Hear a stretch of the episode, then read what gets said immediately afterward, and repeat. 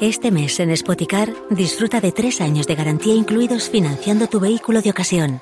Además, llévate el cargador de regalo en tu eléctrico o híbrido enchufable, visita uno de nuestros 200 concesionarios y disfruta de disponibilidad inmediata reservando tu coche en spoticar.es. Financiación ofrecida por Stellantis Financial Services. Consulta condiciones en spoticar.es.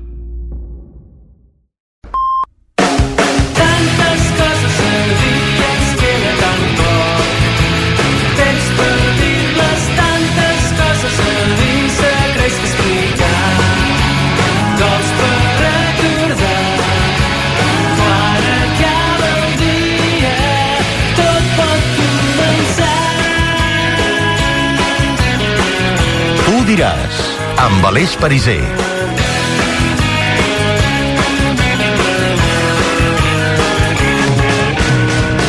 Dos quarts d'onze. Bona nit, benvinguts al Tu diràs d'aquest dijous 22 de febrer del 2024, el dia en què ha tornat a jugar Ricky Rubio. És la imatge d'aquest vespre, sens dubte, el base del Masnou, redebutant amb la selecció espanyola en un partit oficial contra Letònia que s'ha jugat al pavelló Príncipe Felipe de Saragossa.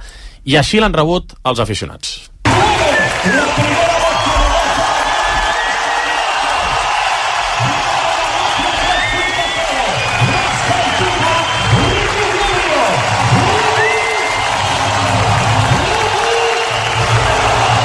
Així cridaven el seu nom, és una magnífica notícia, sobretot per ell. Recordem que el juliol va abandonar la concentració del, de la selecció espanyola pel Mundial de Bàsquet de manera sobtada, de manera precipitada, perquè no estava bé mentalment.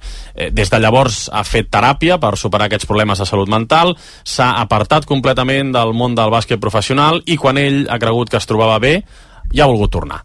Bravo, Ricky, ens n'alegrem molt per tu, però també crec que és una magnífica notícia per tota aquella gent que està patint un problema semblant. L'exemple de Ricky Rubio, una figura pública, pot servir per demostrar a aquestes persones que te'n pots sortir i els pot donar ànims en aquests moments tan complicats. Felicitat, Ricky, ben tornat, Ricky, i tant de bo la setmana vinent també puguem veure Ricky Rubio redebutant amb el Barça al Palau Blaugrana. Pas a pas pas a pas. Avui ha fet el primer, fa només una estona a Saragossa, i ho ha viscut en directe el nostre home bàsquet de racó, el Dani Aguilar. Anem cap al pavelló Príncipe Felipe. Hola, Aguilar. Hola, Aleix Pariser, molt bona nit. Què tal? Bona nit. Emocionant, no?, el moment, el retorn de Molt. Ricky. Moltíssim, de fet eh, estan totes les mirades posades en Enrique Rubio ara mateix eh, tinc al costat eh, la sala de premsa on s'està donant a terme la roda de premsa de Sergio Escariolo del seleccionador que, vaja, ens ha no sé si dir que ha sorprès una mica o no a, a, a molts, perquè Ricky, ara ho explicarem, avui ha jugat minuts de moltíssima qualitat i, i de moltíssima importància, um, però sobretot, a, a, com comentaves, tota l'emotivitat que hi havia al voltant, al moment ara ho escoltàvem que s'ha dit el seu nom, ha aclamat per tothom en els focus Ricky Rubio, que això és un fet que evidentment ha de gestionar al base del, del Masnou, però, però avui era el nom propi i, i ha estat una rebuda emocionant de, de la- de l'afició de, de Saragossa.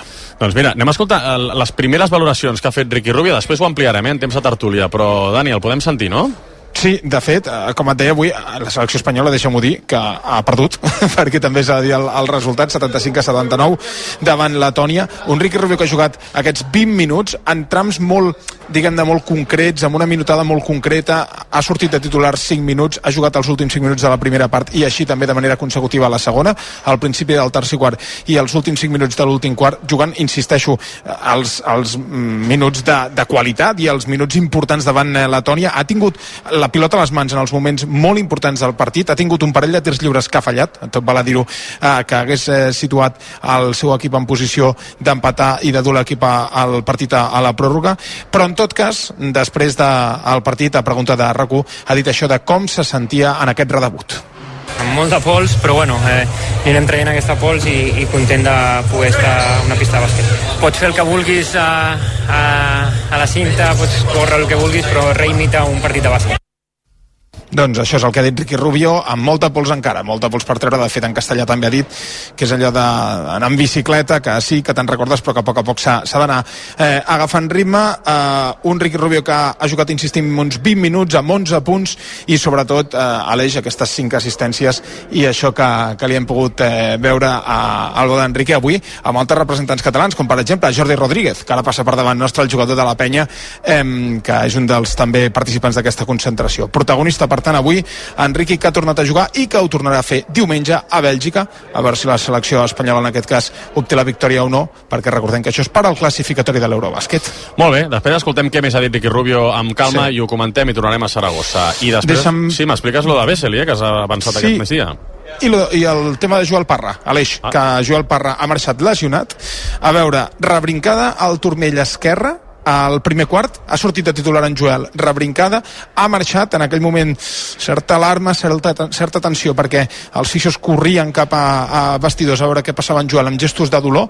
Et dic que des de la nostra posició et puc explicar que tot el tram final en Joel l'ha vist d'en peus, a túnel de vestidors, i amb certa, diguem-ne, amb certa rostre de tranquil·litat. Per tant, ara de seguida, quan també podem recuperar les declaracions del seleccionador Escariolo per saber com està el jugador del Barça, perquè ja sabem que això de les finestres i de les aturades en pipa a tothom, només faltaria que en Joel tornés amb una lesió. De moment el diagnòstic que tenim és esquins de turmell esquerra, eh, pendents d'evolució, però com et deia i com t'explico, des de la nostra posició hem pogut veure que veia perfectament d'en peus, amb un embenatge important, però d'en peus al partit, al tram final de partit des de túnel de vestidors. Molt bé, Dani, ara tornem. Gràcies. Fins ara. Vinga, fins ara. 10 i 35 minuts. Aquesta és la notícia d'aquest dijous, el redebut de Ricky Rubio amb la selecció espanyola. Tenim esport en directe, un munt. S'estan acabant partits de l'Europa League, de la Conference, hem tingut bàsquet femení, ha jugat eh, Champions d'handbol, el Barça, avui Ferrao ha anunciat que deixarà el Barça de futbol sala. De seguida us resumirem tot el que està passant en aquest dijous esportiu, però avui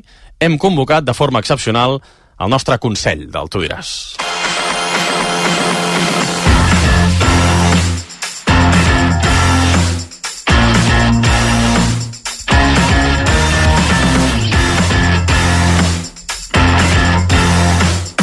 El Consell del Tu diràs.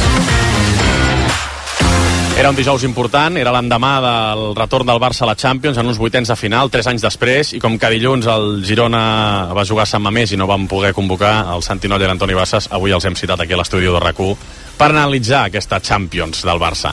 Hola, Santi Nolla. Bona nit, Aleix. Què tal? Bona nit, director de Mundo Deportivo. Hola, Antoni Bassas. Bona nit, Què Aleix. tal? Bona nit, Bona Santi, nit. bé, bé, em sembla una sàvia mesura. El Consell fa constar que entén que eh, l'audiència necessiti una visió ponderada, eh, experta, veterana, jo diria, sobre eh, el que significa l'empat d'ahir al A Barça-Nàpols. vegades entenem que el Consell ha de ser itinerant. I, sí, sí, és veritat, m'agrada itinerant. Vull dir que els dijous es pot treballar, eh? Això, com els comitès que a vegades ja dijous i divendres no es reuneixen de la Federació Espanyola, aquest sí, aquest Consell sí. es pot reunir. Bé, doncs eh, pràcticament eh, farem un monogràfic del Nàpols-Barça. Vull saber les sensacions que vau tenir del partit d'ahir a vuitens de final. crec que avui ens podem sentir orgullosos de la imatge que ha donat el, a l'equip i com ha competit crec que és la, el camí per competir en el, en el partit de tornada estic satisfet, molt satisfet en el joc però el resultat no ens dona és una pena que no ens doni la raó Doncs això, és el que deia Xavi Hernández. Esteu d'acord? Què us va semblar? Quines sensacions us vau quedar? Sí, jo vaig tenir bones sensacions. Eh, jo vaig veure un Barça a un bon eh, nivell de- d'intensitat, un Barça eh, un bon nivell de concentració, un bon nivell de joc, sobretot la, la primera meitat. Vaig veure un Barça de Champions, no? un Barça amb un canvi. No, no és el Barça de la Lliga, sinó que era un Barça amb, jo crec un nivell de motivació més alt, de concentració més alt, de sentit col·lectiu del joc, eh, del joc més alt, i eh, penalitzat amb eh, l'única jugada que Oximen pot eh, rematar eh, a porta, l'únic crec que és l'únic eh, eh, tret de porta que Sí. fa el, eh, el Nàpols, o sigui, excessivament penalitzat, molt superior i, eh, a veure, en principi crec que és una eliminatòria encarada eh, i que no, hi ha, no tindrà masses problemes al Barça. És cert que no entenc per què la Champions està eh, aturada tres setmanes. Entre l'anada i la tornada, ja. Crec que això és, eh, és excessiu. O sigui, no, no, tres setmanes. A més, tres setmanes, a veure, beneficia evidentment el Nàpols, que acaba de posar calzón al front, no? un entrenador que va canviar un dia abans i que segurament doncs, l'equip millorarà amb aquest, eh, amb aquest temps, no? però diguéssim que passin tres setmanes fins la propera eh, la propera jornada de Champions em sembla excessiu. Això l'any que ve canviarà perquè canvia el format de la Champions, veurem si el Barça la juga o no, perquè hi ha el, el fenomen Superliga pel mig. Però, Antoni, què? No, jo la primera cosa que haig de fer és reconèixer aquí que el Santi tenia raó quan va dir que quan ve la Champions s'activen, va dir. Es connecten, es connecten. Pues sí, sí, es van connectar, es van connectar sobretot a la primera part, Uh, però jo, de debò que hi he estat donant moltes voltes perquè pensava, bueno, ja, aquesta nit com, com ho valores, no? I, I a mesura que han anat passant les hores m'he anat refredant. És a dir, si tenim bones sensacions, ho sento, és perquè ens hem de conformar amb poquet perquè ens conformem amb poquet. És a dir, d'acord, és Champions, no és fàcil guanyar fora de casa, la primera mitja hora el Barça va tenir ocasions i va dominar, però si ahir no vam guanyar el Nàpols, no el guanyarem mai més a la vida.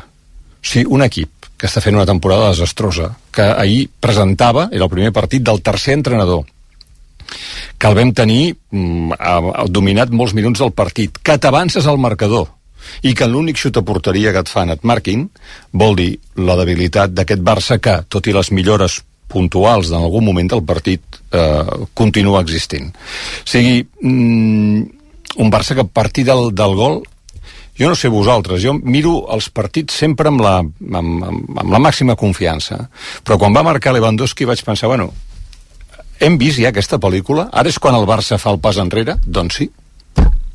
Sí, a partir del moment que el Barça marca, sembla com uh, es desconnectés, eh? allò que dèiem de la desconnexió, es desconnectés.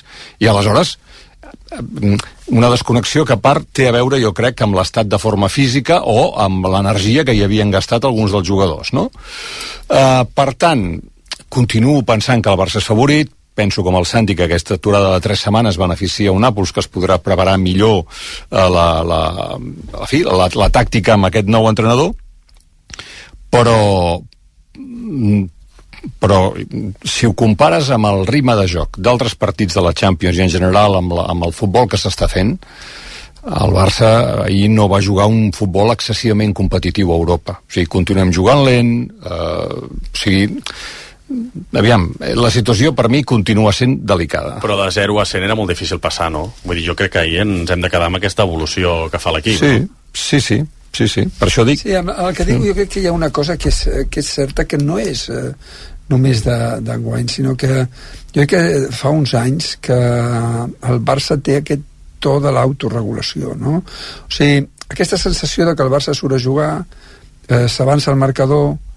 veu que el partit no és tan difícil com pensava o creu que té una certa facilitat i es baixa una velocitat això ho hem vist eh, a veure, els darrers anys eh, ho hem vist a Europa pràctic, bueno, a Europa hi ha, hi ha la Lliga Espanyola passa que la Lliga Espanyola és, és diferent perquè no hi ha el, el mateix nivell de qualitat amb els rivals no? però eh, això sí que no s'entén bé per què està associat al, a l'equip en diferents entrenadors, o sigui, no és una qüestió de... i en diferents jugadors però sembla com, com que quedi aquest, aquest to, aquest estigma no? de que quan el Barça es posa per davant, el Barça veu que no hi ha una gran dificultat, baixa una velocitat. No? Sí, no sé si ha sigut altres temporades de Santi, però aquest any algú va comptar, no recordo la dada, però hi ha un munt de partits en què el Barça ha rebut un gol fins a 10 minuts després d'haver-ne marcat un. O sigui, a vegades és el minut, a vegades és al cap de 3 minuts i a vegades al cap de 7. Fins a 10 minuts, un munt de partits. És clar, no sé, jo crec que això mmm, no pot ser. A més, de la, de la injustícia aquesta pels aficionats de l'autoregulació. O sigui, o sigui, contra el Nàpols ens enxufem, ens endollem, i contra el Getafe dissabte no sabem quin Barça tindrem. Home, doncs eh, tampoc no em sembla just, no? Sí, això sí que és veritat que no, se, se li pot dir al Barça, escolta, i per què no es, es pot jugar sempre així? crec Però és cert una, que a la Champions, hi, hi havia no? una certa cultura en els darrers anys eh, eh, marcada amb el Barça de Messi, no? en el sentit de que hi havia una certa sensació amb, el, amb tots els jugadors que hi hauria un moment que el petit decidiria no? I, eh, i això feia que els partits eh, acabessin decidint-se sempre al final, no? hi hagués eh, com una certa extra confiança, no? eh, extra point de confiança amb eh, que al final eh, el Leo acabaria decidint el partit. No? Ha passat moltes vegades al llarg de la història, sí. Sí. Jo, jo ahir, la sensació, vull dir que és, és veritat que hi ha aquests, aquests debats de si, si va estar molt bé el Barça o, escolta, davant hi havia un Nàpols molt fluix i tampoc va estar tan bé el Barça, va mereixer més, no va mereixer més. Jo m'ho vaig passar bé. Jo feia molt de temps que no, no veia un partit del Barça sense patir va haver-hi un moment, un moment, els últims 10 minuts, allò, una, una jugada que, que semblava que van posar la pilota a l'àrea i ai, encara, encara fotran el segon. Però va ser un moment. La resta del partit, jo m'ho vaig passar bé ahir. I a mi m'agrada això, i després vaig veure gaudir els jugadors en molts moments de la primera part, en, en molts moments de la segona també, quan arriba el gol de Lewandowski, que és un molt bon gol, una jugada eh, de, de tiquitaca, diguem-ho així, del Barça, no? amb una pilota filtrada de Pedri. No sé, a mi això em fa, em fa ser optimista. Potser, Sí, potser, noto- potser sóc molt naïf, eh? I, a, i a la tornada al Nàpols estarà millor, però... Jo vaig notar també un canvi. I és veritat el que diu el, el Toni, que eh, tothom vàrem notar aquest canvi i després amb el túnel del temps no, no, no. Va, va, va tornar a aparèixer no? eh, eh, això és cert per exemple, jo crec que eh, la, la posada en escena de Christensen de mig centre crec que és una aposta que s'ha tret de la màniga el Xavi que està bé que està bé, que, que allibera els tres migcampistes que no li dona eh, el nivell de velocitat ofensiva eh, necessària però sí que li dona la tranquil·litat, la tranquil·litat més defensiva de que poden mm, ten- estar més lliberats tant Pedri com Gundogan com De Jong, tenint en compte que De Jong fa més de doble pivot que d'interior no? però sí que eh, eh, això li, li permet diguéssim eh, al Barça un equilibri que en el mig del camp no tenia no? i, eh, i l'està trobant Ahir, per exemple, jugant eh, Íñigo, Koundé, Eh, Christensen i Araujo. Christensen, Sí, els sí. quatre centrals de la, de la plantilla. Sí, sí, bueno, mm, eh, és una... Aviam, eh, en general, fora de casa a la Champions t'has de tapar i em sembla que és una bona elecció i fins i tot jo crec que quan vam veure l'alineació vam pensar, sí, val, d'acord, és l'alineació sí, poques aventures, cobercir la banqueta, mm, sí, és això. O sigui, això ho vam entendre tots, no? Mm, i, I això, doncs, probablement va fer jugar a tothom més tranquil i amb, i amb més solidesa. Però a partir, si ja la tens guanyada aquesta solidesa, el que has de fer és un pas endavant i, i, rematar-lo. És a dir, és, sí, eh, objectivament empatar fora de casa la Champions està bé, però vist el partit d'ahir no és un bon resultat. No, segurament el resultat va, va quedar curt pels mèrits que va fer el Barça.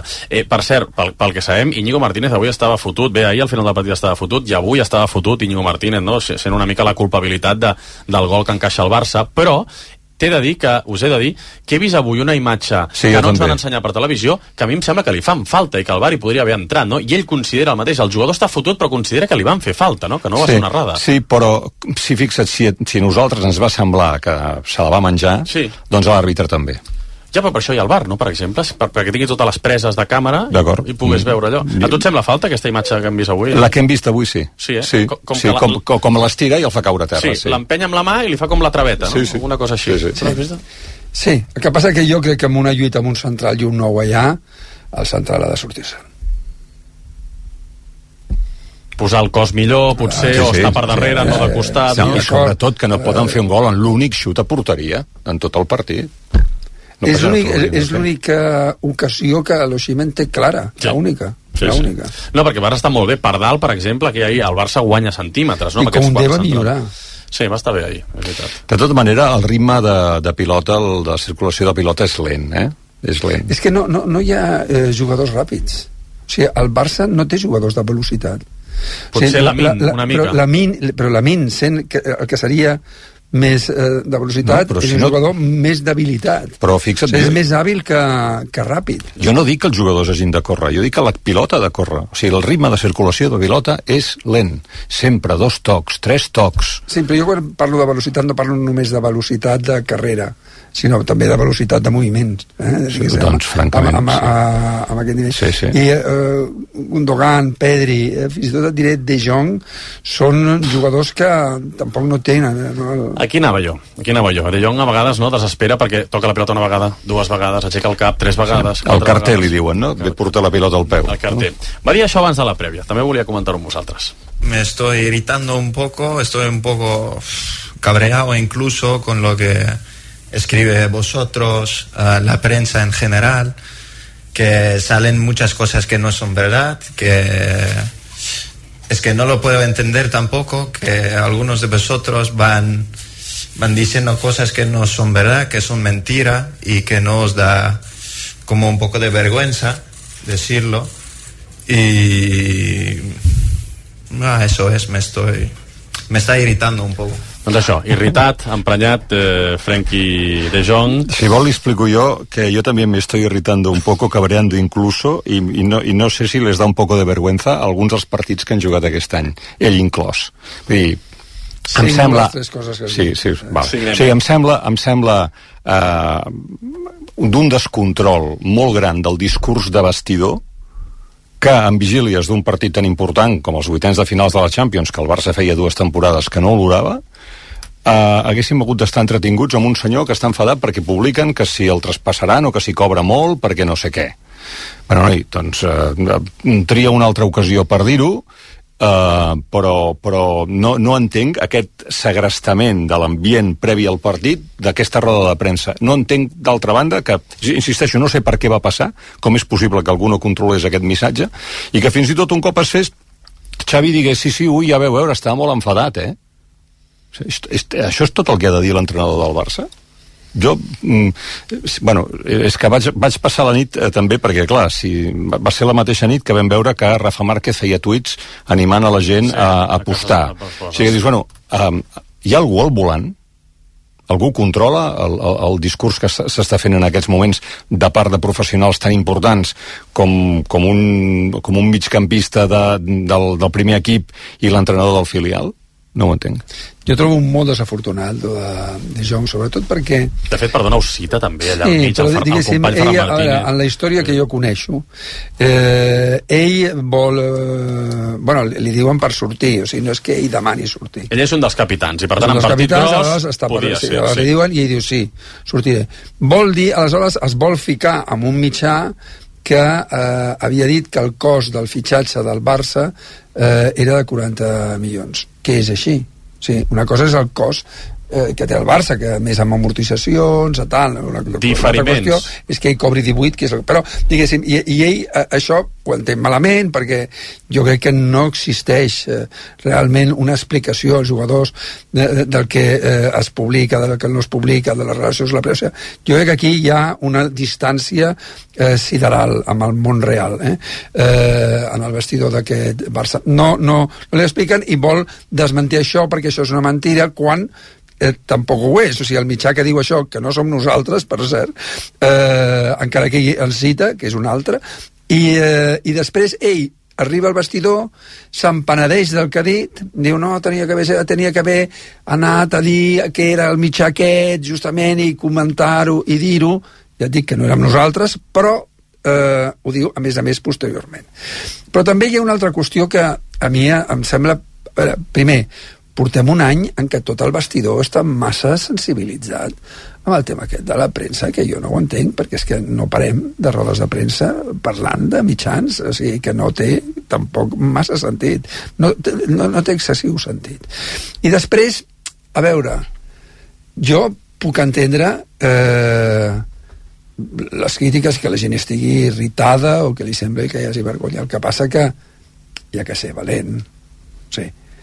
Eh, hi ha que ser valent i tu si, estàs, si, si creus que eh, algú t'està fotent perquè ha filtrat eh, s'han filtrat la xifra del teu contracte fica, fixa, o sigui, eh, has de eh, comentar en contra de qui ho filtra no en contra de qui publica el que, el que es filtra diguéssim, a, a veure No, no disparis equivocadament. Clar, però és que s'està disparant molt equivocadament. Sí, s'està el disparant que- equivocadament perquè no s'atreveixen a eh, posar sobre la taula que és real. Sí, el, el, que, el que estàs dient és que al Barça li interessa que sapiguem què ens costa Frenkie de Jong amb vistes eh, que ens el traurem de sobre. No, no, no, no ho sé si és així. És el que sí, el que. Doncs, és, aleshores, sé quin si- el que tindria filtrar-ho? El que sí que és evident, el que sí que és evident és que diguéssim que el contracte de, eh, de De Jong mm, o, o el que el, el Barça, el cost del Barça sobre això, surt. I, escolta, tot, tot és eh, filtració o feina, digue-li com vulguis, no? Però se- sempre és, un, és interessant periodísticament publicar-ho. Sí, és interessant publicar-ho. Ah, no, no, sí, sí, sí, però... però Aleshores eh, eh, eh, es publica, qui sigui,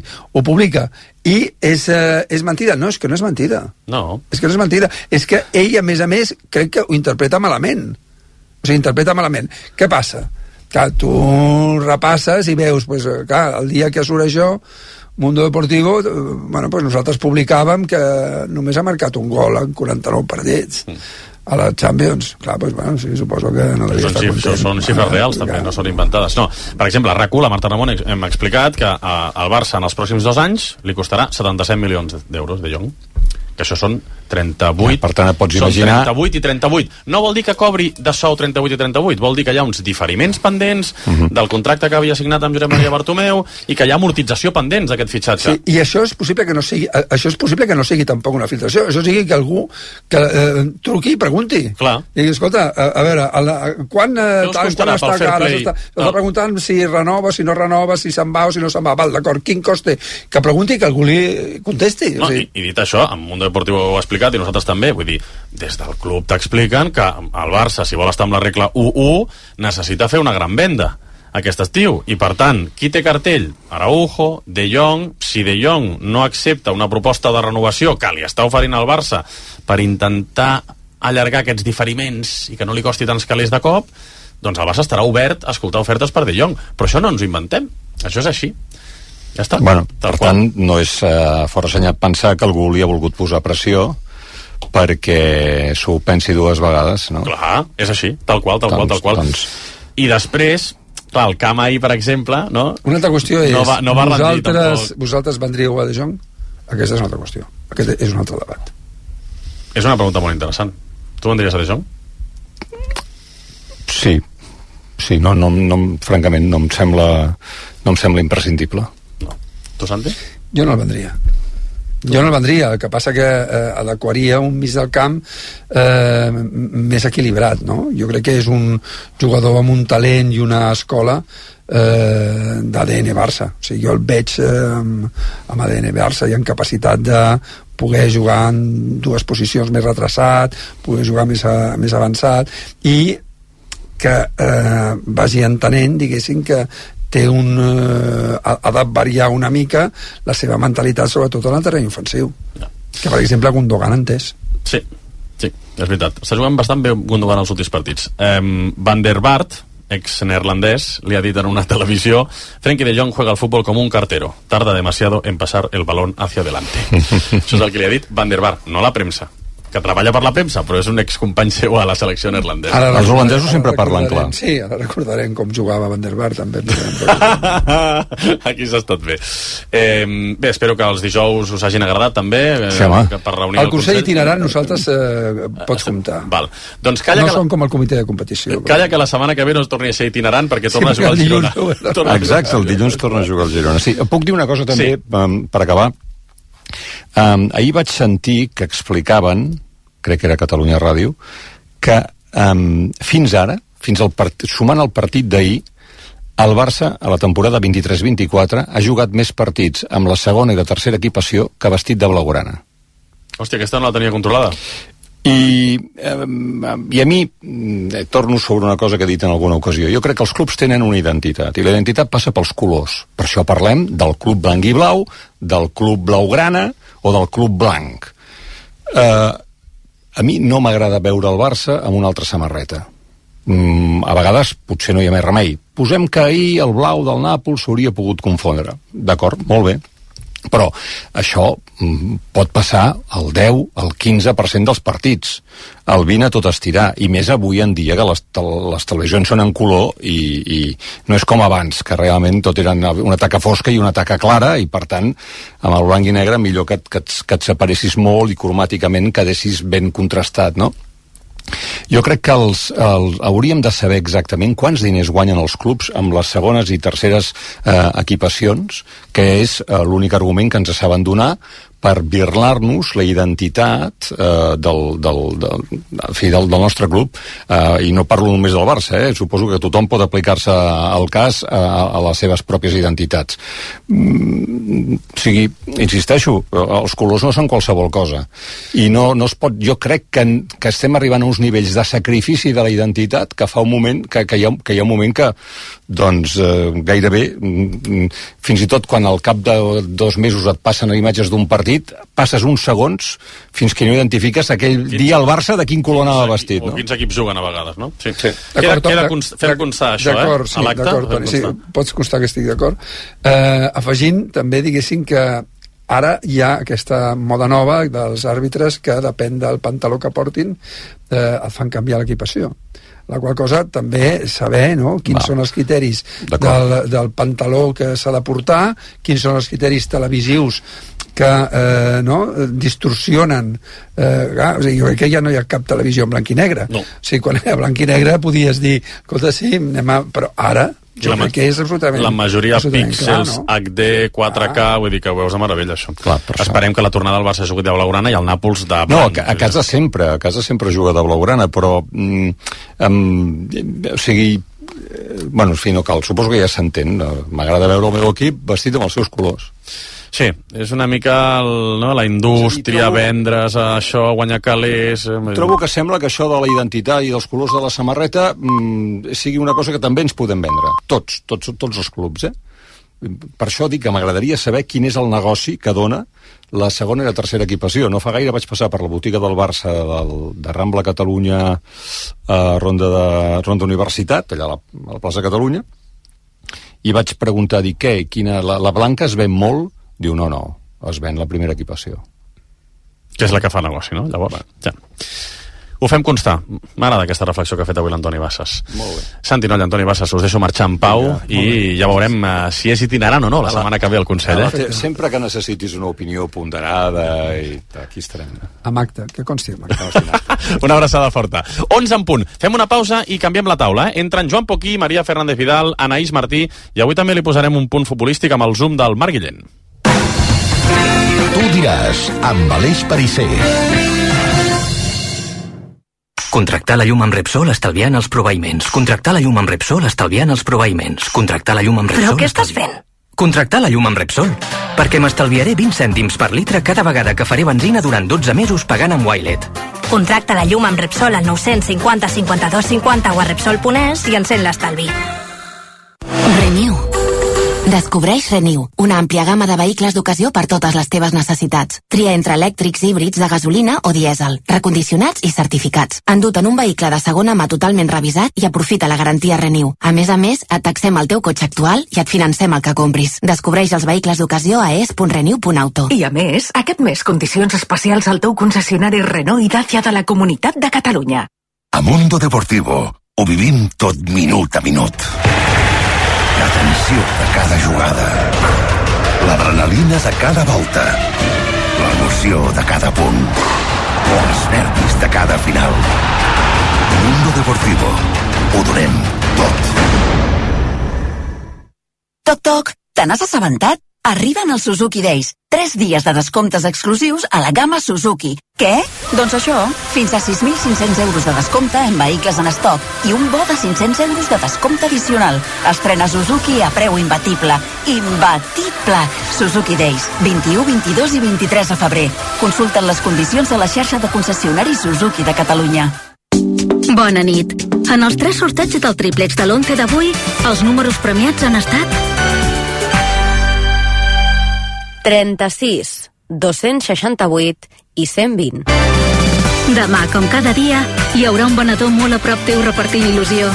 I ja ho saps, a tots els que jugueu a l'11, ben jugat.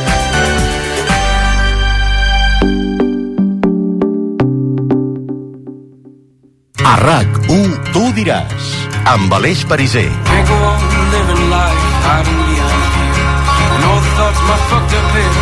Can't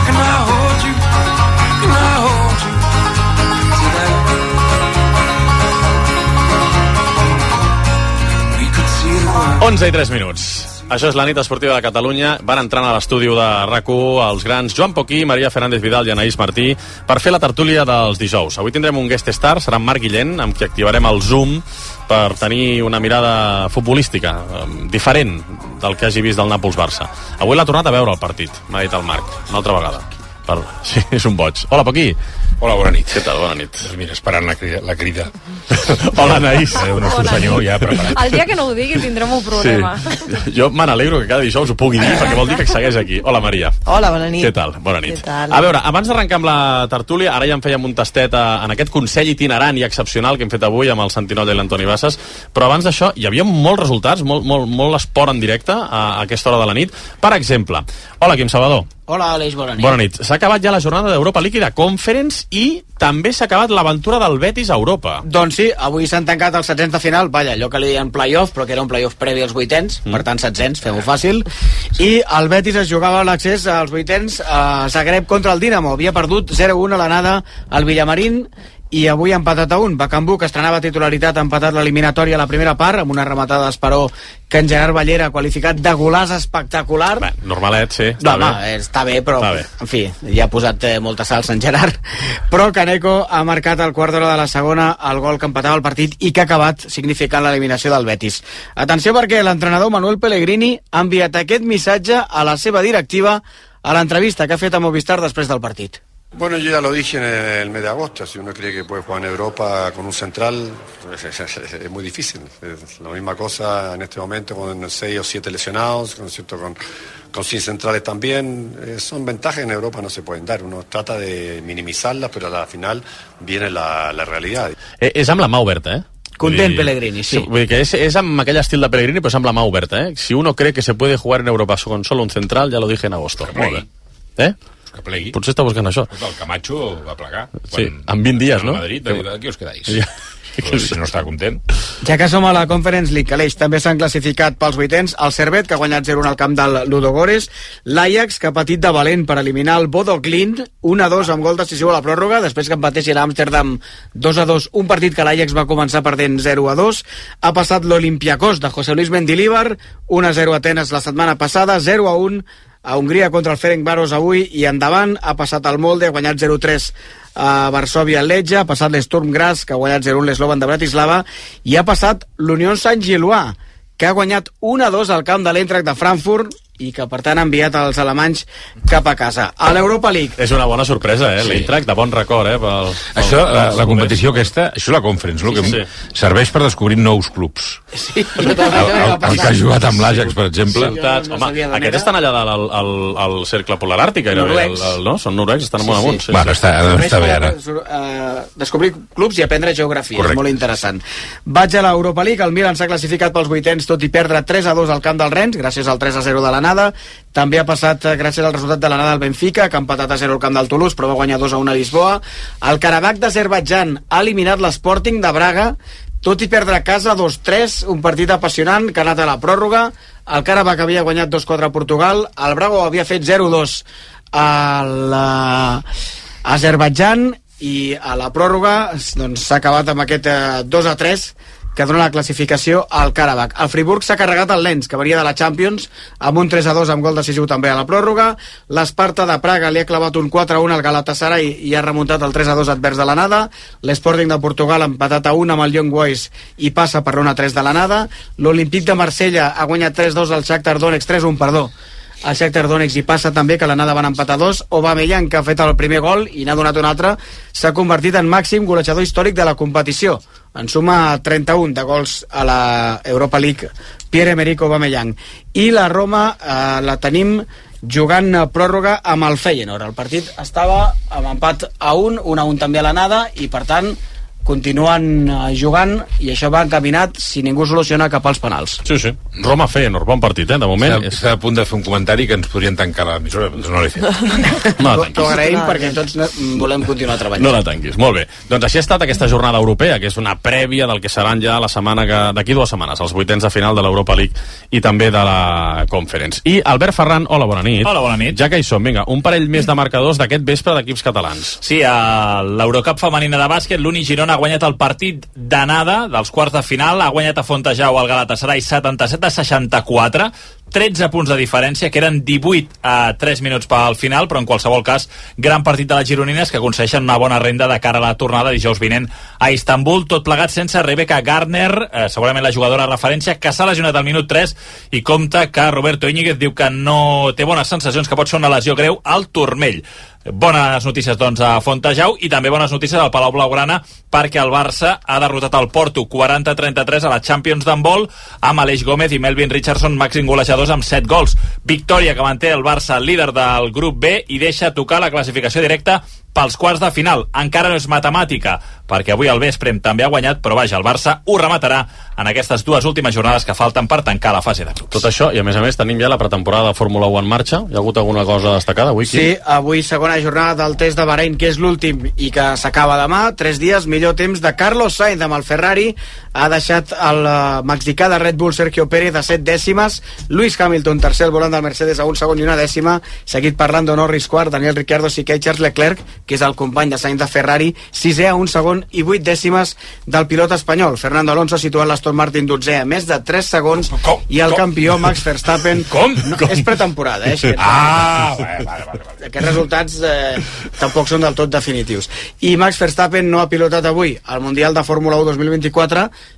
començarà ja la setmana vinent, també a Bahrein. La primera cursa serà dissabte, dia 2 a les 4 de la tarda, hora catalana. Ja arrenca això, doncs? Sí, sí. Això aquesta no la tenia controlada, tu.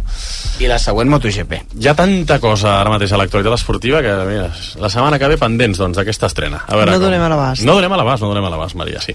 Molt bé, Quim, fins ara, gràcies. Fins ara. Ja tenim per aquí el Marc Guillén, també. Hola, Guillén. Hola. Bona nit, tal? eh? I ara deia que t'has tornat a mirar el partit, eh? Sí, sí, sí, sí. Jo crec que avui era... Són ganes, eh? No? Home, però avui valia la, valia la pena del que va passar Mira, ahir. avui, avui encara, drama és haver de tornar-se a mirar el del Granada, el del Villarreal, Home, no, no, no us va passar ahir una mica, no us va passar una mica que vau Sí. acabar dient realment ha jugat bé bé el Barça o ha jugat el rival tampoc hi ha No, la anat? sensació de que podria haver estat pitjor. no? Jo, jo em vaig quedar una mica amb el dubte de dir segur que l'he vist del tot bé aquest partit o ja... Jo La primera impressió és el que compta. Jo, jo em vaig quedar amb la sensació d'haver perdut una, una, oportunitat. oportunitat. brutal, és a dir, de deixar escapar viu el Nàpols a un partit que has tingut dominat, a més, amb molt pocs problemes, jugant raonablement bé, i és, per mi és, hòstia, és molt decebedor que, que no, sí, però que si no guanyis el penses partit. d'on vens... Exacte. Bueno, si, pe- però- si penses d'on vens i, i, i poses el focus en, en la realitat del Barça dels últims partits, doncs vaig pensar escolta... Eh, Bueno, sí, clar, has millorat. Has millorat i podria haver estat això perquè al final et trobes amb un equip que més o menys està en una situació similar a la teva, amb un canvi d'entrenador, no? I, i la sensació és que el resultat no t'ha acompanyat del tot, però que per moments has, has dominat. Jo, jo vaig veure un, un petit avenç ahir, encara que sigui. Jo crec que sí, però... que, que s'hi van, que van veure coses molt positives. El que passa és que jo crec que el Barça no va ser molt diferent del que ha, ha estat tota la temporada. Un equip que, que no saps de quin costat caurà la moneda, que fa coses bé, que fa cagades mm, clamoroses i llavors hi ha partits que són a la flauta i guanyes, hi ha partits que acabes empatant, hi ha cap partits que perds i ja veus que de cap manera allò ho remuntaran i amb aquesta dinàmica és a dir, jo crec que si assumeixes que el Barça aquesta temporada és això doncs endavant vull dir, hem vingut a jugar per tant, Ja ho vés a saps saber que no què guanyaràs passarà. la Champions. Oh, vull dir, per què? a- Home, home, a Ah, veure, bueno, o sí, o Oh, sí a veure, Eh, és a dir, en aquesta dinàmica No, la lògica diu la lògica que i no el l'has de realisme guanyar. et diu però, que el Barça Correcte. no guanyarà la Champions Però- aquest any, però pots passar de, de, de fase, sí, i a veure qui et trobes i a veure fins on arribes. Però ens hem, ens hem, jo, com a mínim, m'he declarat incapaç de, de dibuixar una trajectòria del Barça aquesta temporada, Però perquè feia estarem- dos partits bons, un dolent, però tres estarem d'acord regulars... que, que la lliga del Barça és més similar a, a la del Nàpols que a la del Manchester City, no? Vull dir,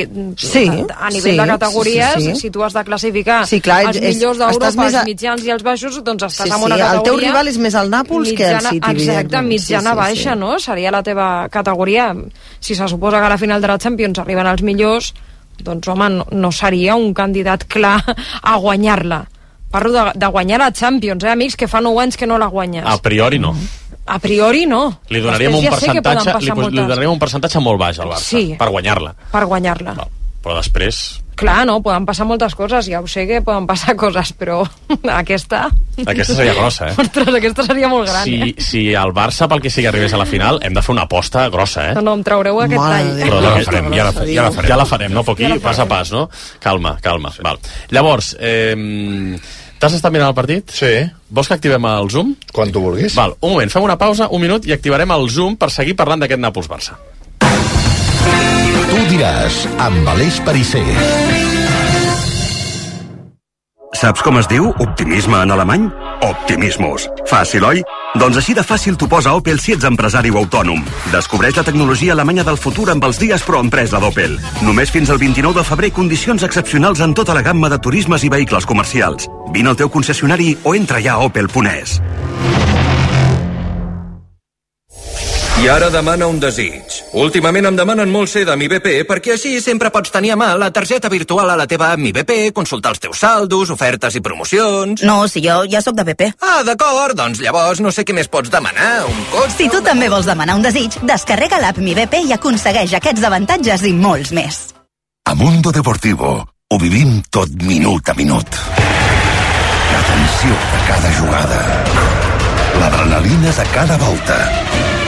L'emoció de cada punt. Els nervis de cada final. Mundo Deportivo. Ho donem tot. Toc, toc, te n'has assabentat? Arriben els Suzuki Days. Tres dies de descomptes exclusius a la gamma Suzuki. Què?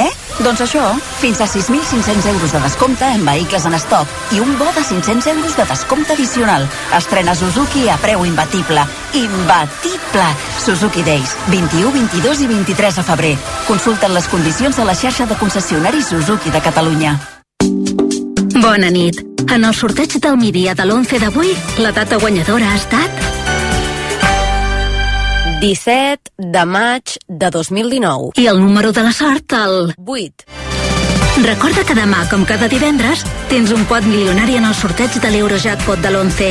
I ja ho saps, a tots els que jugueu a l'11, ben jugat.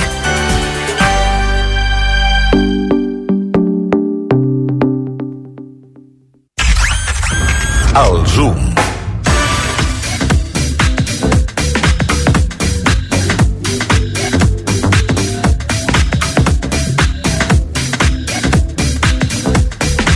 Zoom activat, el Zoom del Marc Guillén. Ara feia dies que no el fèiem, sí. perquè és cert que tampoc hi ha hagut molts elements futbolístics per analitzar últimament.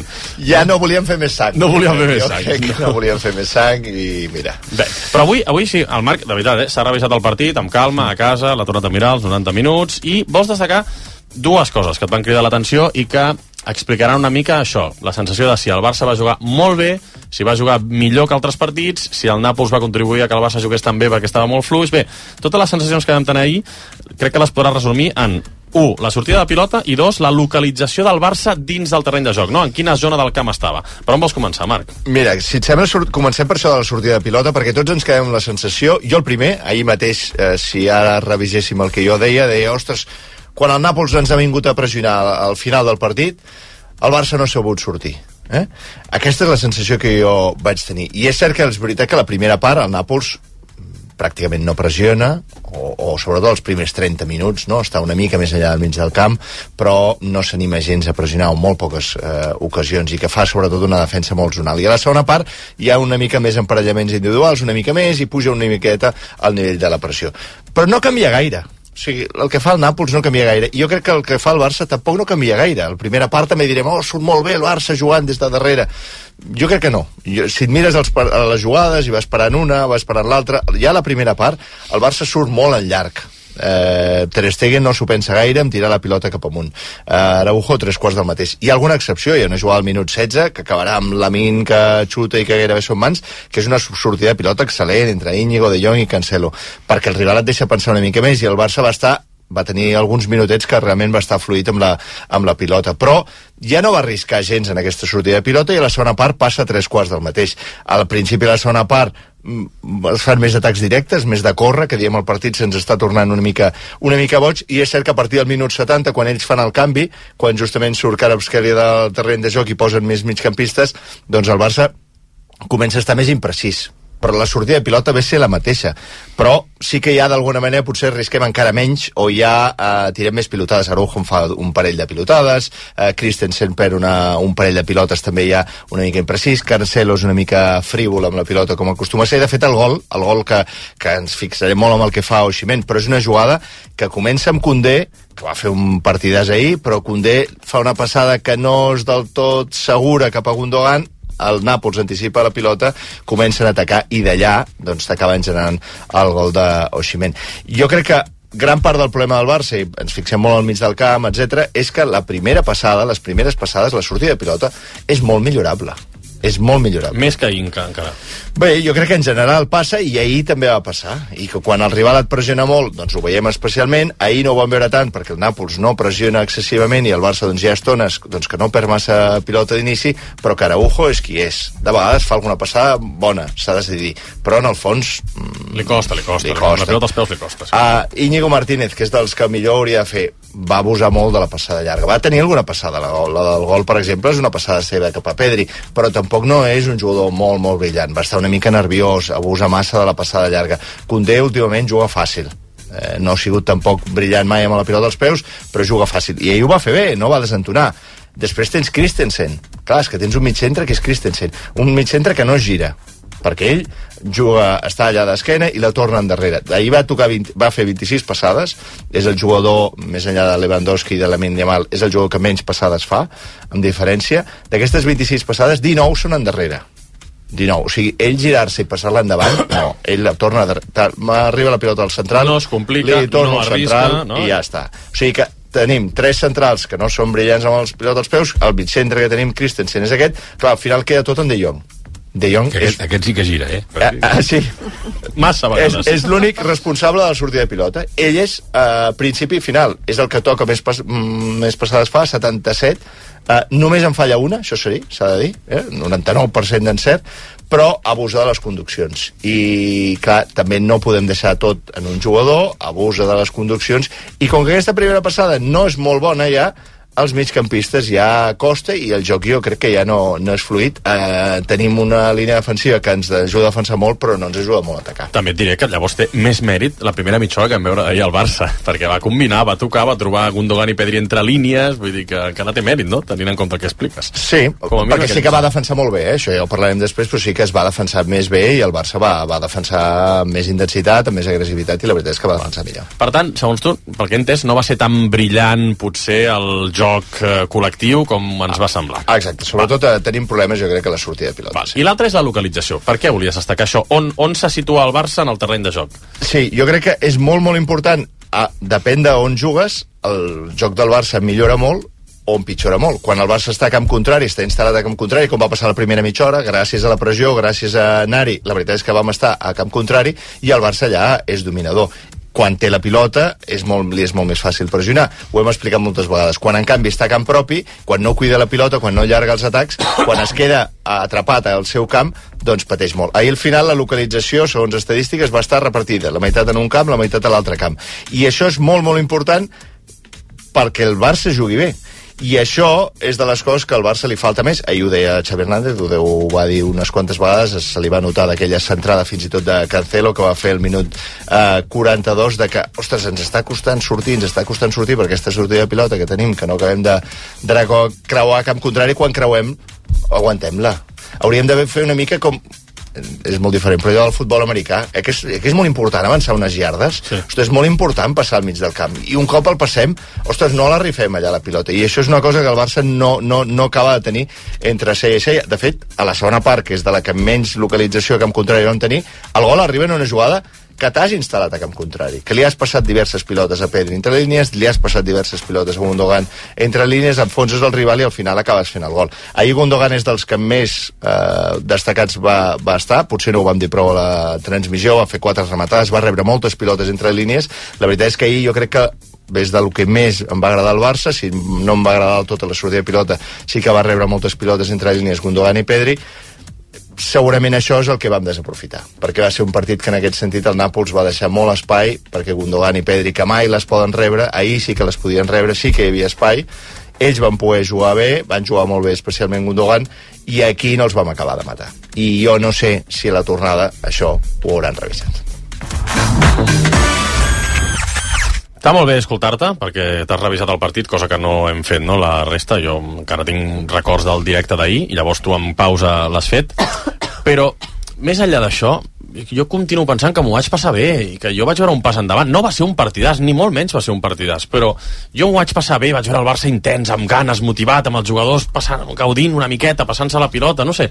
Jo sóc una mica més optimista. De, de, abans del partit mm, era il·lusió, i després del partit tinc optimisme Home, és que amb si no, certs arguments. escolta'm, és que si no estiguessin motivats en uns vuitens de final de Champions, eh, sabent que és la competició, si- sent realistes, la competició en la qual el camí, sent, sent difícil i improbable, és el, és el que està més, més net, perquè perquè no tens 8 punts d'avantatge amb ningú, sinó que tu estàs a la mateixa... O sigui, si no surten motivats en un partit així és, I és un després pro- de un dos anys problema. de no ser-hi. És- Això, és que a mi, que, eh? a mi el que em va decebre una mica d'ahir és... Eh, sí que em va agradar Gundogan, tot i que li trobo crec, tinc la sensació, i no sé si és veritat o no, no he mirat les estadístiques optes, i que tinc la impressió que ignoren, segueixen ignorant una miqueta el nano, que, del, que és l'únic que crea perill de, de debò, de, la Yamal, crec que els seus companys l'ignoren bast- o no, o no el busquen suficient i després veig a Pedri absolutament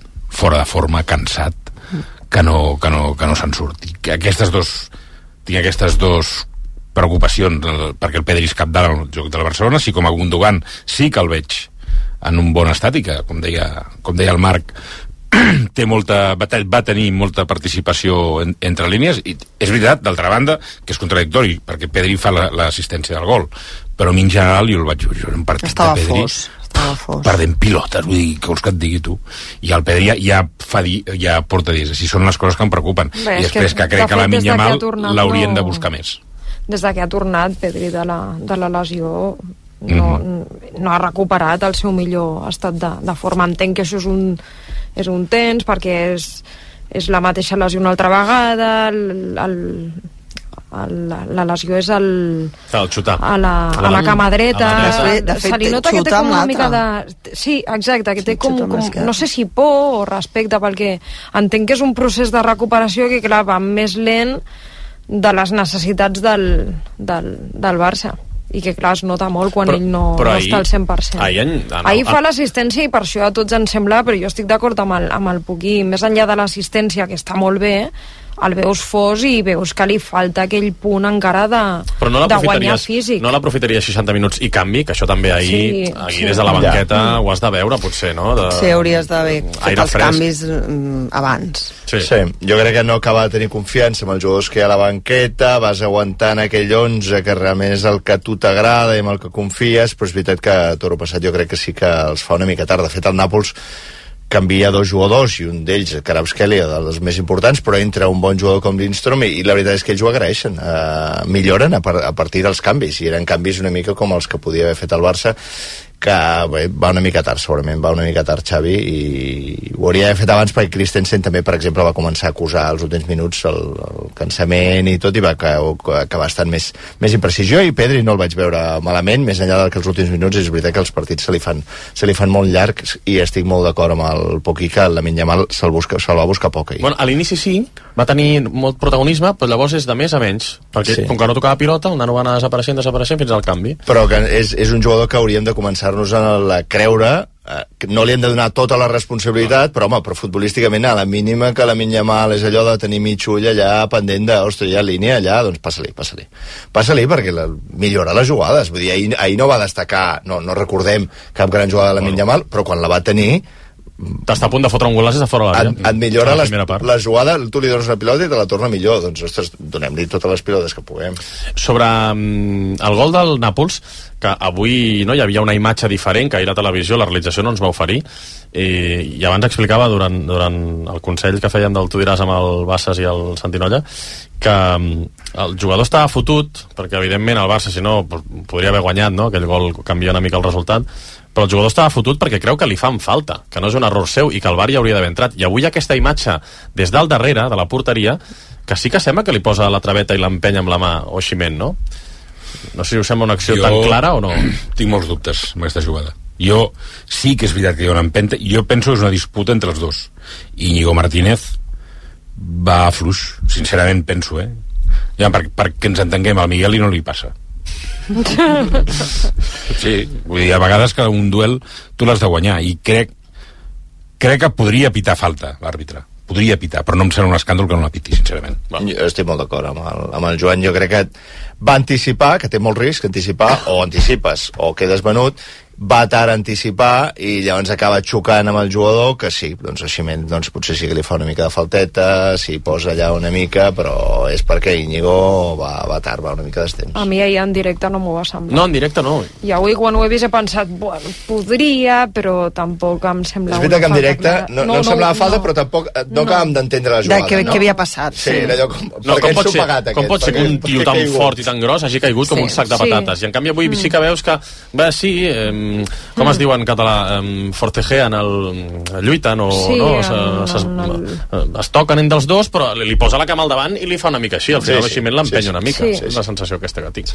Bé, eh, què, vols afegir alguna cosa més del No, partit no, d'ahir? no, que sí, que, no, no, de la jugada que és el que deia l'Anaïs, en directe no m'ha semblat i després un cop vista aquesta tarpesa tampoc és com eh, és que hauria d'haver canviat el partit jo crec que el Barça el, el mal del Barça va ser no fer més gols quan, quan dominava el partit. Després podries assumir que en un moment donat eh, Nàpols despertés i et fes algun gol però tu hauries d'haver d'haver marcat abans. Sou optimistes per la tornada? Queden tres setmanes, eh? jo és que eh, aquesta temporada he optat perquè el Barça em sorprengui. Ja està. Mm, bé, endavant.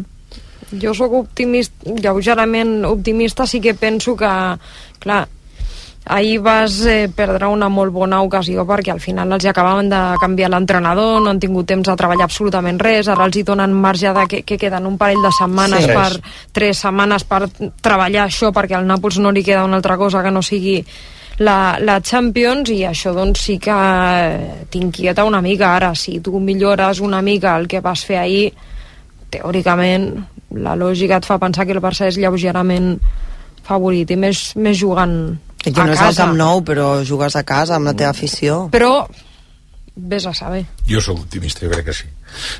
Perquè el Barcelona va, va ser superior al, al Nàpols. És veritat que poden poden activar-se en aquestes tres setmanes. És veritat que Osimhen et va fer mal, però et va fer un gol i, i acaba d'arribar de la Copa d'Àfrica i supo, suposo que d'aquí tres setmanes estarà una miqueta millor però jo sóc optimista del que no, te- del que no sóc tan optimista és aquest dissabte Mm. després de la canallada miserable Un quart de cinc, eh? la canall... o sigui, s'ha de ser Horari, estrany, eh? s'ha de ser miserable Per què? Ser- aviam, perquè el Barcelona dimecres juga dimecres a la nit torna de Nàpols i li pot... sense tenir cap partit, ni el Getafe ni el Barcelona. La setmana que ve, no només li posen dissabte, sinó que li posen dissabte a l'hora de la migdiada, a l'hora de, la de la becaina. Com, o sigui, s'ha de ser miserable. sol, hi haurà sol No, però ja no ho dic pel sol, ho dic perquè el Barcelona no haurà tingut ni, ni, tres, ni tres dies per recuperar-se. No hauran passat 72 hores. Saps quan juga el Madrid, que ha tingut setmana neta? I la setmana que ve també té la, tene, la té neta? Doncs el diumenge, el dilluns, Diumenge, saber. diumenge a les 9 ja està, doncs, Madrid-Sevilla. doncs em, sembla, em sembla miserable. Així, tal qual ho dic, miserable. Bueno, a veure si veiem una bona versió del Barça. Eh, Perquè és un partit nah, d'aquells que fa mandreta, eh, ara mateix. Home, i tant, i que costarà, a més, pel, pel, pel rival que és, eh, si entres en mandra, eh, t'espavilaran ràpid. I jo crec que és molt important que el Barça s'espavili en aquests partits. Jo, des, eh, sou optimistes o no? Jo moderadament optimista. Jo sempre que he anat veient el Barça deia, ostres, ho sentia, no? És que la Champions ja veuràs, ens la fombraran, ens la fombraran, i jo deia, bueno, però és que no, no esteu veient el Nàpols. Si veiéssiu el Nàpols, mm, seríeu més optimistes. Ahir ho van veure i van veure que sí, que el Barça és superior, jo crec que, que el Nàpols. Ara, moderadament optimista, perquè clar, és que el Barça és això, ahir va ser superior que el Nàpols, però un a un.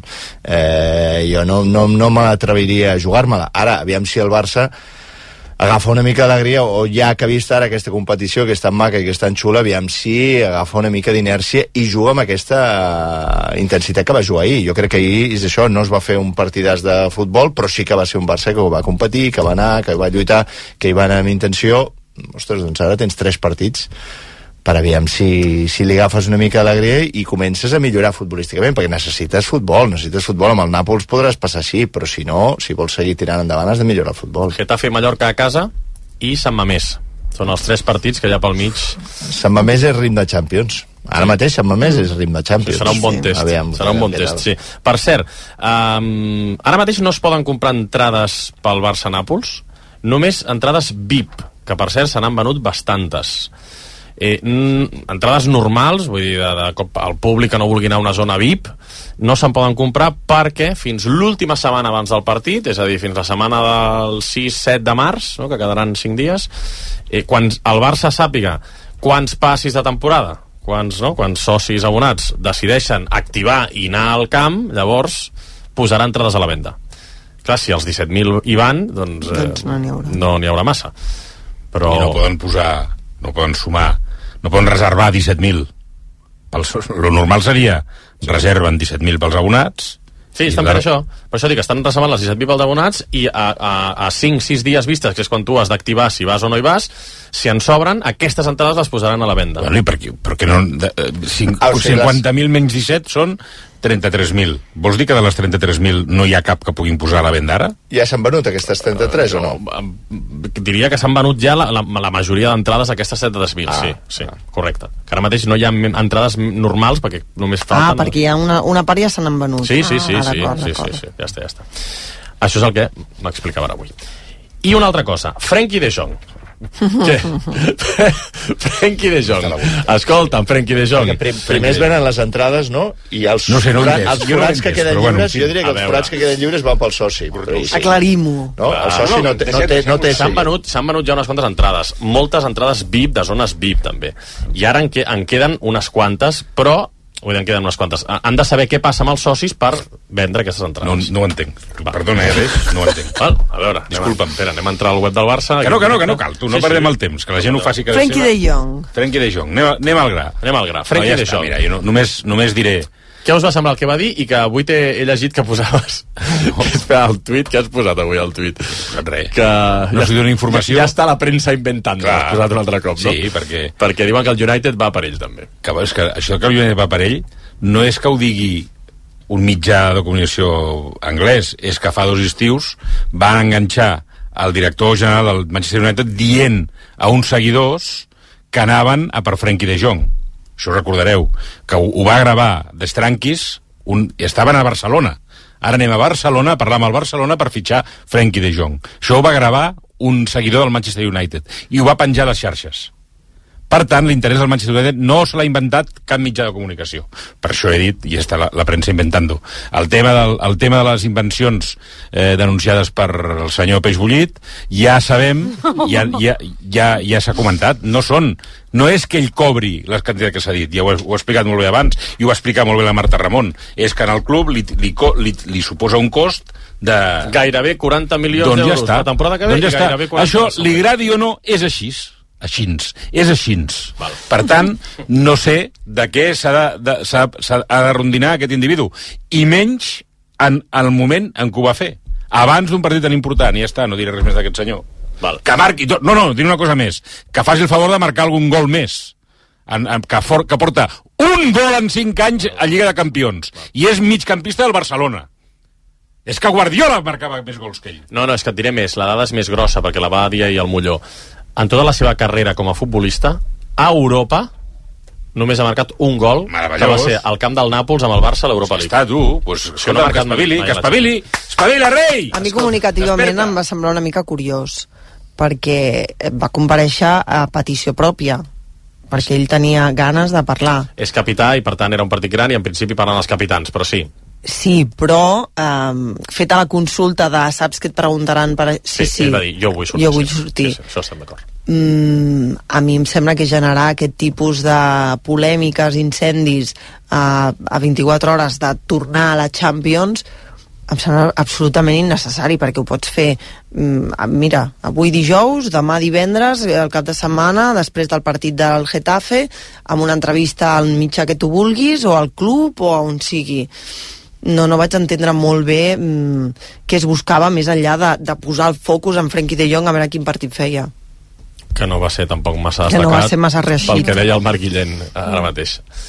No, eh, jo, a veure, jo crec que si els jugadors volen sortir i cagar-se en la premsa estan en el seu dret de fer-ho, igual que jo vinc aquí els dijous i em poses un micròfon i puc dir el que em dongui la gana dins d'uns paràmetres de respecte i de, i de responsabilitat. Eh, coincideixo amb la Maria, jo crec que sortir en un dia així no, no és responsable veient la, la trajectòria de l'equip i crec que aquí s'equivoca. Més sent un capità. Exacte, sobretot pel moment i perquè en aquests moments eh, l'important és l'equip i no el que tu pensis i si t'estàs cagant més o menys amb tot amb el que digui la premsa.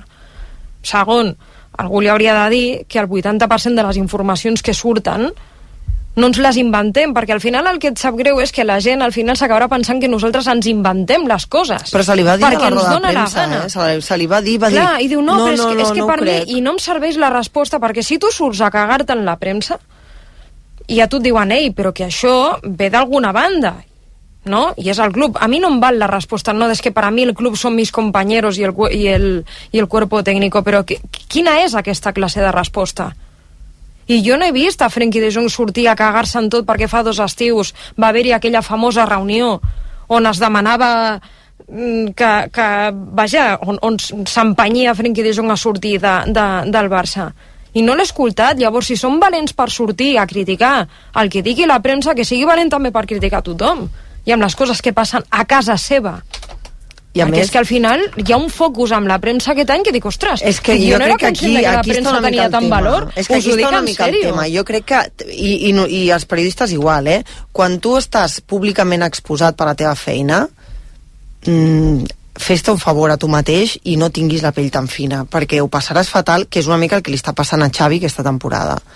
Mm, assumeix que estàs en un càrrec públic, de cara al públic, i que a vegades a la gent li agradarà el que fas i a vegades no, que tu el que has de fer és estar tranquil amb tu mateix amb com fas tu la feina i ja està. I no, si tu vols sortir a dir que has entès que, aquesta, que, que, i que entens que aquesta informació és mentida, pots sortir i dir-ho. El que passa és que el que va dir no és el que jo tinc entès que s'ha explicat, que ho heu repassat molt bé eh, abans. En cap no, moment no tenia clar que exactament el què Llavors, si tu i surts... tampoc va sortir a rebatre-ho amb cap... Eh, amb dir, I heu dit això i en Ferran realitat Martínez és això. li pregunta si ha tingut alguna oferta, també s'ho estalvia de, de, de respondre. No, no, Llavors, és que, perdona, perdona. Aquí- són coses que no toquen com a Ell capità diu- del Barça. Jo crec que no toca eh? i insisteixo que, que poden sortir a dir el que vulguin, eh? només faltaria. Escolta, té, parla. Li Només pregunta, faltaria. el meu company Ferran Martínez sí. li pregunta, literalment, avui hem tornat a escoltar-ho al, al diari. Tertulià del Tu diràs, Al, també. al, correcte. Uh, escolti, vostè uh, ha rebut alguna oferta, Oferta. de renovació del, del Barcelona i què vol fer? I diu, sí, a vosotros también, en Mundo Deportivo, también publicáis cosas. ¿Por qué También lo publicáis hacéis? co- Dígale, ¿por qué lo cada día un diari I li pregunta, que jo hagués estat allà, t'asseguro, que, que, que ui. s'acaba, t'ho t'ho juro, no, i no ho dic com a crítica al Ferran, perquè el, el Ferran diu, hosti, és que no, No, sabia què dir-li. va quedar descol·locat, clar, Clar, diu, és que, aviam, lo primer, la primera cosa és que en una roda de premsa el, el, que, el, el, el, que fa la, el, que, el que a la roda de premsa és el preguntat, no és el preguntador. Per tant, això és el primer que se li ha de dir. Escolti'm, aquí vostè no pregunta. Jo li faig una pregunta. Si, si vol contestar, si no vol contestar, no la contesti. Però vostè a mi no em fa cap pregunta. Això li hauria dit, però bueno, és igual. I, i a continuació, que hem, escoltat, al Fran li diu alguna cosa, que jo, perquè no, sense micro ja, no l'arribo a sentir ben bé, que diu, i ell diu, no, no, habéis publicado falsedades. Mm. I aleshores, el Nogueras, pum, acaba la roda de premsa i hasta luego, Lucas.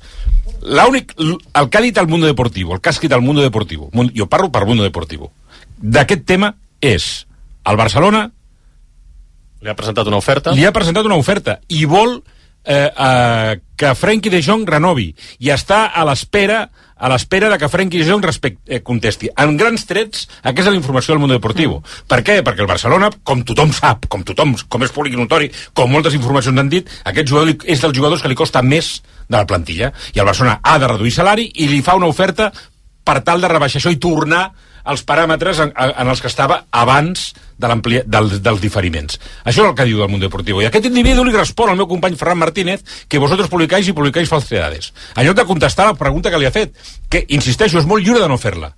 El que no pot fer és mentir ell dient que nosaltres mentim. Això és el que no li tolero en aquest individu. Això, per això jo li he perdut el respecte a aquest senyor.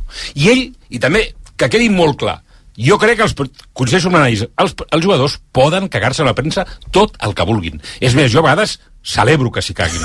Sí, sí, a vegades com a aplaudeixo mínim que s'hi parlen, clar, com a mínim Però el que, no, el, que no, el que no tolero ni d'aquest individu ni a cap altre és que em diguin que sóc mentider quan una cosa que no...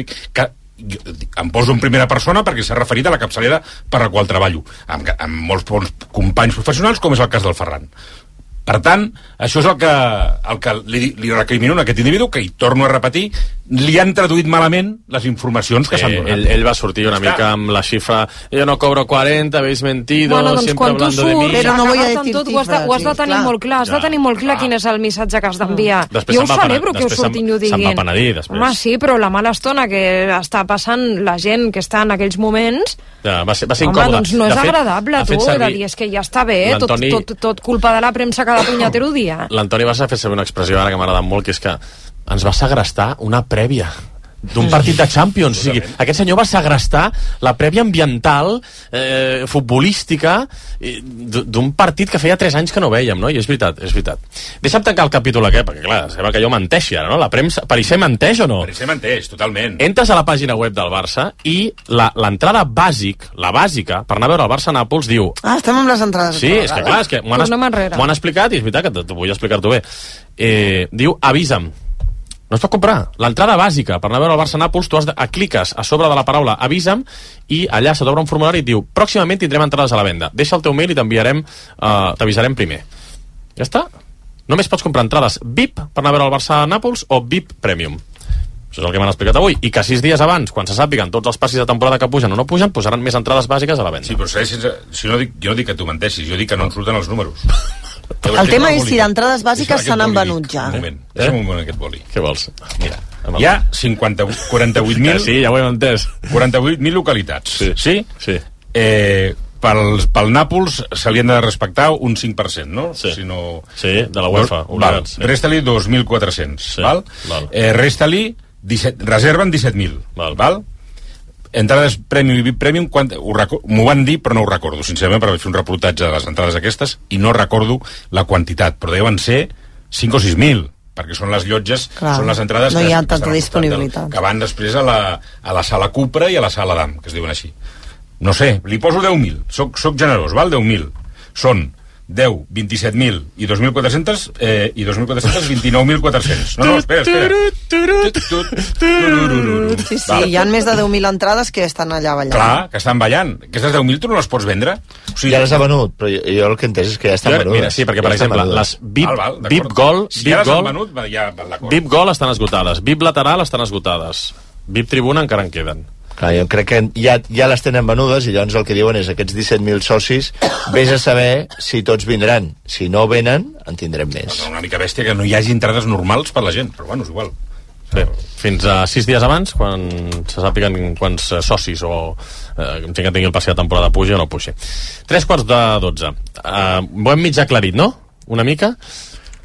Jo, jo, jo, jo només... Hem de fer una pausa, digues, Màrius. No, del tema de Jong, que ja està tot comentat, jo l'únic que em sap greu és que quan el Barça està passant per moments tan complicats com els que està passant, econòmicament, futbolísticament, i la institució va cap on va, que comunicativament, en general, anem tan malament també perquè jo crec que això és molt més fàcil de solucionar.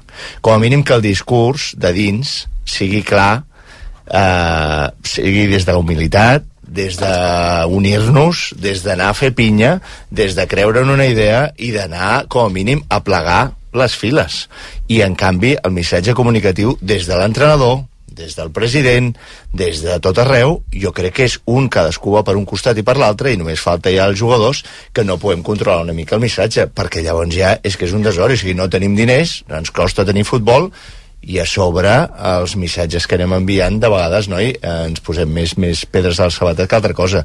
I, i jo crec que és una cosa que sincerament és molt més fàcil de revisar i que ajudaria a tota la colerada doncs, a anar a una i com a mínim empenya hi ha un moment difícil, bé, doncs és difícil tu, no passa res, però que marquem una estratègia i seguim-la entre tots Dit això, jo no vendria a Frenkie de Jong. Ja per, per, per acabar ja. Jo no vendria a Frenkie de Jong. A mi Jo em sembla un futbolista eh, que a mi doncs, crec que evidentment té un perfil molt millorable sobretot aquesta temporada. Entenc que no és el líder que tothom s'esperava que, que seria, però crec que també és, el context del Barça és diferent que el de l'Ajax on, on, d'on venia fa, fa cinc anys i a mi em segueix semblant un, un futbolista eh, bàsic per, per, per aquest Barça amb un marge de millora i que es contagia Sí, de el tota marge la de resta. millora ja fa anys que l'estem esperant, eh? Bueno, perquè, jo sí el vendria per, perquè... perquè és el que et dic, Maria, perquè potser esperem que sigui un, líder que no és Clar. el, el perfil aquest, no ho ha estat Doncs, mai, de eh, una fet. altra cosa. Altra cosa mariposa. Clar, si no ho és, fora, ja li hem donat l'oportunitat. Ara en seguim parlant, el tu diràs. RAC 1 Ja tens un nou concessionari oficial Jeep a l'Hospitalet de Llobregat i a Molins de Rei. Dimo Auto, molt a prop de tot i de tots. Dimo Auto t'ofereix àmplies instal·lacions on podràs veure, conèixer i provar tots els models Jeep. Dimo Auto, el teu nou concessionari oficial Jeep a l'Hospitalet i Molins. Dimoauto.com. Molt a prop de tot i de tot. Comença el dia amb molta energia a Basic Fit, a casa o al gimnàs de la cantonada. Apunta-t'hi ara. Gaudeix de 4 setmanes extra i emporta't una motxilla.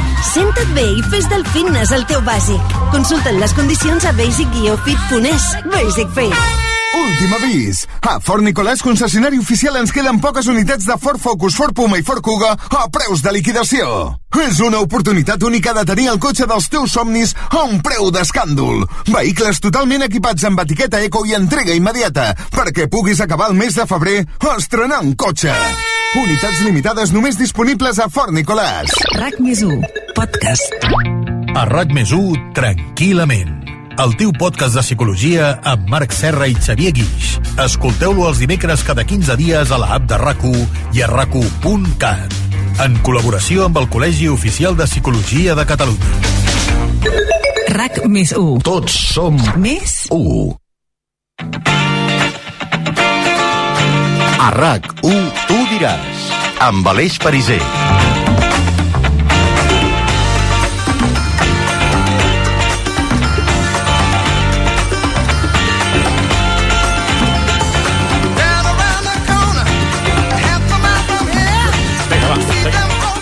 10 i la mitjanit. Seguim aquí al Tu diràs. Mira, està arribant l'Albert Bermúdez, sí, que després hola. vindrà a fer l'Operú. Hola, Bermúdez. Què tal? Què tal? No, no estava arribant, ja estava aquí. Estaves aquí? Estava ah, jo, és que t'he vist, vist ara per darrere que, que arribaves. Semblava que arribaves. Semblava que arribaves.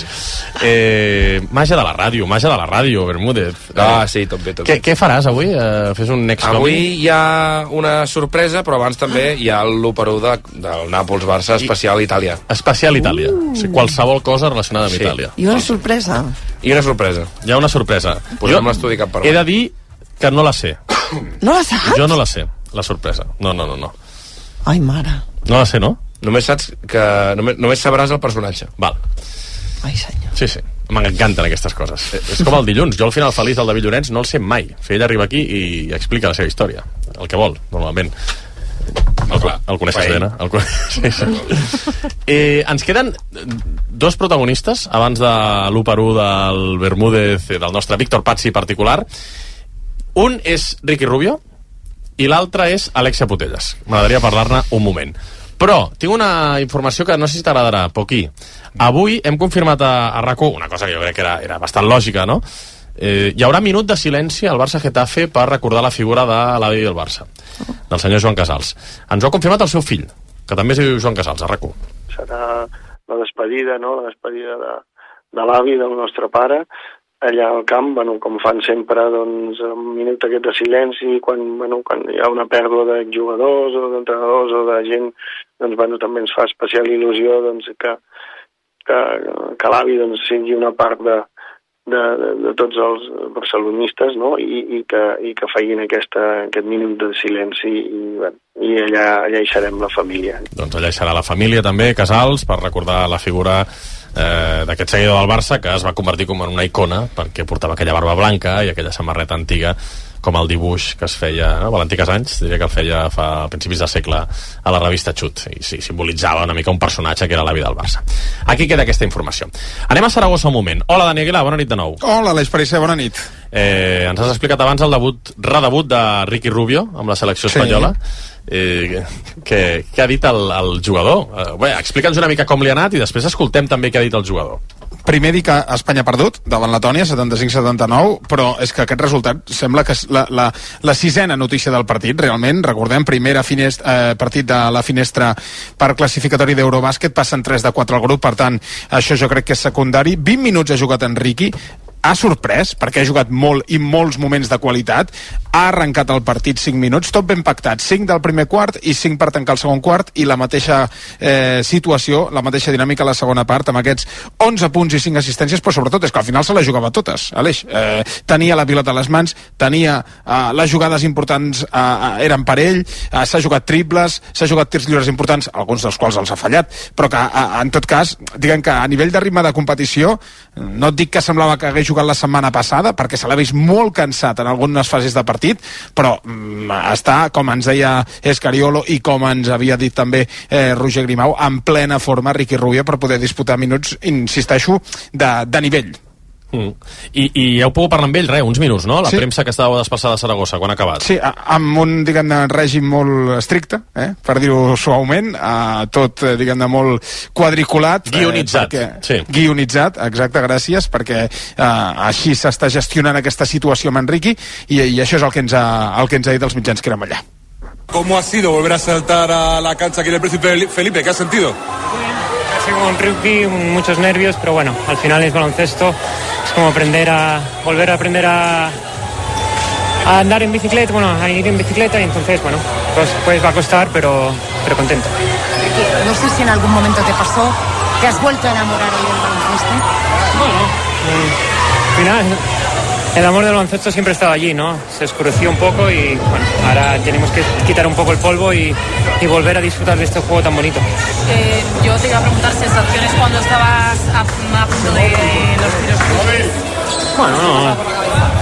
Estaba mirando si fallaba uno, tenía que fallar el, el tercero y estábamos un poco así, entonces, bueno, he fallado unos cuantos. Pero, pero al final, bueno, es, es deporte, a veces se gana, a veces se pierde, pero hemos luchado hasta el final. No hemos jugado un gran partido, però bueno, al final hemos tenido oportunidad. Riqui, eh, tercera reparició de la teva llarga carrera, de llarg termini. T'has tornat a sentir jugador? Com, com t'has sentit? Sí, eh, amb molt de pols, però bueno, eh, anirem traient aquesta pols i, i content de poder estar a una pista de bàsquet. Necessites minuts, necessites partits. Bueno, ja es veurà. La veritat és que pots fer el que vulguis a, a, a la cinta, pots córrer el que vulguis, però reimita un partit de bàsquet. Amb aquesta minutada establerta que heu fet avui, la previsió és seguir de cara a diumenge a augmentar. Quina és la previsió? Anem a dia a dia, aviam com ens aixequem demà després d'estar tant de temps fora, però bueno, eh, valorarem amb, amb el coach i, i veurem les possibilitats. Ricky, la última, ¿qué esperas de lo siguiente? Y no sé si esperas tener un papel tan importante como el de hoy, que ha jugado muchos minutos. Sí, bueno, agradecido de tener esta oportunidad, eh, lástima de la derrota y, y iremos viendo. Hemos tenido la oportunidad de ganar, pero bueno, no ha sido así y ahora en Bélgica tenemos que ganar. M'agrada molt, eh, aquest paral·lelisme que ha fet de dir hem de treure la pols. Eh? Ara mateix estic encara Sí. una mica allò, eh? rovelladet, Clar, però a la que anem traient la pols ja veuràs com això anirà bé. L'hem estat seguint, Aguilar, sí, perdona, l'hem Sí. estat seguint aquí a la redacció i com si no hagués passat el temps potser sí que se'l veu una mica cansat encara no? i que li falta ritme de competició però, però no sé, m'ha semblat veure'l com sempre gaudint, fent assistències, anotant No, per això et dic, si això s'està rovellat, noi, que em vegin a mi córrer. Vull dir, eh, no, eh, és realment... Eh, físicament se'l se veu bé. Sí que és veritat que eh, hi ha determinades situacions en què jo crec que també hi ha un, no sé si sobreaccés de fixar-nos no? en les seves cares, en les seves reaccions en, en com gestiona determinades situacions eh, i, i un pot mm, sobreinterpretar però mm, jo he vist un jugador que, eh, que té, té, un rendiment molt guionitzat mm, valgui la redundància com deies abans eh, tot molt marcat, però que insisteixo qui hagi vist el partit, les últimes pilotes eren a Ricky, ell dirigia l'equip i, i, i estem parlant que és un tio que acaba de tornar ara després de 11 mesos pràcticament sense activitat davant un tros d'equip com és Letònia. Sí que és veritat que la, les circumstàncies és de partit de classificació per Eurobàsquet. Bé, no hi ha un, diguem una exigència competitiva molt alta, malgrat que avui hi havia 11.000 persones eh, al, pala, al pavellón eh, Príncipe Felipe, eh, rècord en una finestra. Jo l'he vist molt bé, la veritat, a veure què és el que passa diumenge. Mm. N'ha dit, algú, dit alguna cosa Escariolo, el seleccionador? Sí, de Ricky, evidentment, pràcticament monopolitzant la roda de premsa d'Escariolo, el seleccionador de- d'Espanya de, ha dit això. Lo he visto tal y cual tal y cual lo viene en los entrenamientos, con mucha voluntad, con serenidad, con eh, deseo de hacer bien, obviamente haciendo alguna cosa bien y haciendo y obviamente con, con todavía una falta de ritmo importante eh, que al final se consigue compitiendo, jugando, no hay no hay otras cosas, así que apreciamos el la ayuda que nos ha dado y creemos que esto ha sido un primer paso muy bueno para volver a, a la competición, digamos, de club, de, de Euroliga y luego para lo que tendremos nosotros en el verano. Està bé perquè Escariolo parla i, i és d'agrair, perquè és fins i tot menys prudent, a veure que se m'entengui, eh, però ell diu obertament que això són passes per tornar a Eurolliga i que allò que diem tant amb la boca petita, eh, amb molta prudència, doncs no, Escariolo diu obertament, això són passes perquè el Riqui pugui tornar amb el Barça a l'Eurolliga, el primer partit, recordem sempre, seria divendres que ve eh, contra el, el Mònaco. Ara viatja cap a Bèlgica, a l'Eix, però ara mateix a RACO podem explicar que hi ha un jugador que no anirà a Bèlgica Joel que és Parra. Joel Parra. Hòstia, Torna demà sí? cap a fotut Barcelona. No està fotut, no està fotut, Ah, no cridem bé. a les alarmes, Bé, bé. però el que us podem explicar a rac és que demà, per precaució, torna cap a Barcelona, que no volarà cap a Bèlgica. És un esquins al turmell esquerre lleu. Mm, ell mateix, us ho hem explicat al principi del programa, ha vist el partit des de, des de túnel de, perdó, el tram final de partit des de túnel de vestidors. S'ho ha fet al principi de tot. És lleu, evidentment, la lesió, però per prudència, demà, eh, com us expliquem ara mateix, torna cap a Barcelona i no serà a, a Bèlgica amb, amb la selecció diumenge. Molt bé, doncs bueno, com a mínim bones notícies, que no sigui res i que es pugui recuperar aquesta setmaneta que hi ha de marge de cara al retorn de la competició de clubs amb, amb aquest Barça-Mónaco de divendres, dia 1 de març al Palau Blaugrana, que podria ser el redebut també de Ricky Rubio amb la samarreta del Barça, tant de bo veiem Joel Parra jugant amb normalitat. Alguna cosa més a afegir de, de, del que s'hagi dit després del partit, Dani? No, que el, amb Escariolo ha sortit Brizuela. Quin partidàs ha fotut Brizuela? Sí? Eh, 16 punts, el líder anotador, ha, ha pràcticament ell ha remuntat sol la, la distància que hi havia a Letònia, que havia posat una distància que oscil·lava sempre, els de, sempre entre els 8-10 punts, eh, amb, amb allò verticalitat característica, per tant, Brizuela també un dels protagonistes d'aquest partit. Jo m'alegro pel Ricky, i potser també perquè és un bon exemple per molta gent que estigui en un procés de salut mental de dir, escolta, no, te'n pots sortir ja, ja sé que potser és, cadascú té la seva història, no? però veure una figura pública que supera un, no, uns problemes d'ansietat, d'angoixa, digueu-li com vulgueu, no? de salut mental, doncs pot servir d'alguna cosa, pot ser un bon exemple. No? I tant, Sí, perquè fins i tot hi ha gent que, que li costa aturar-se de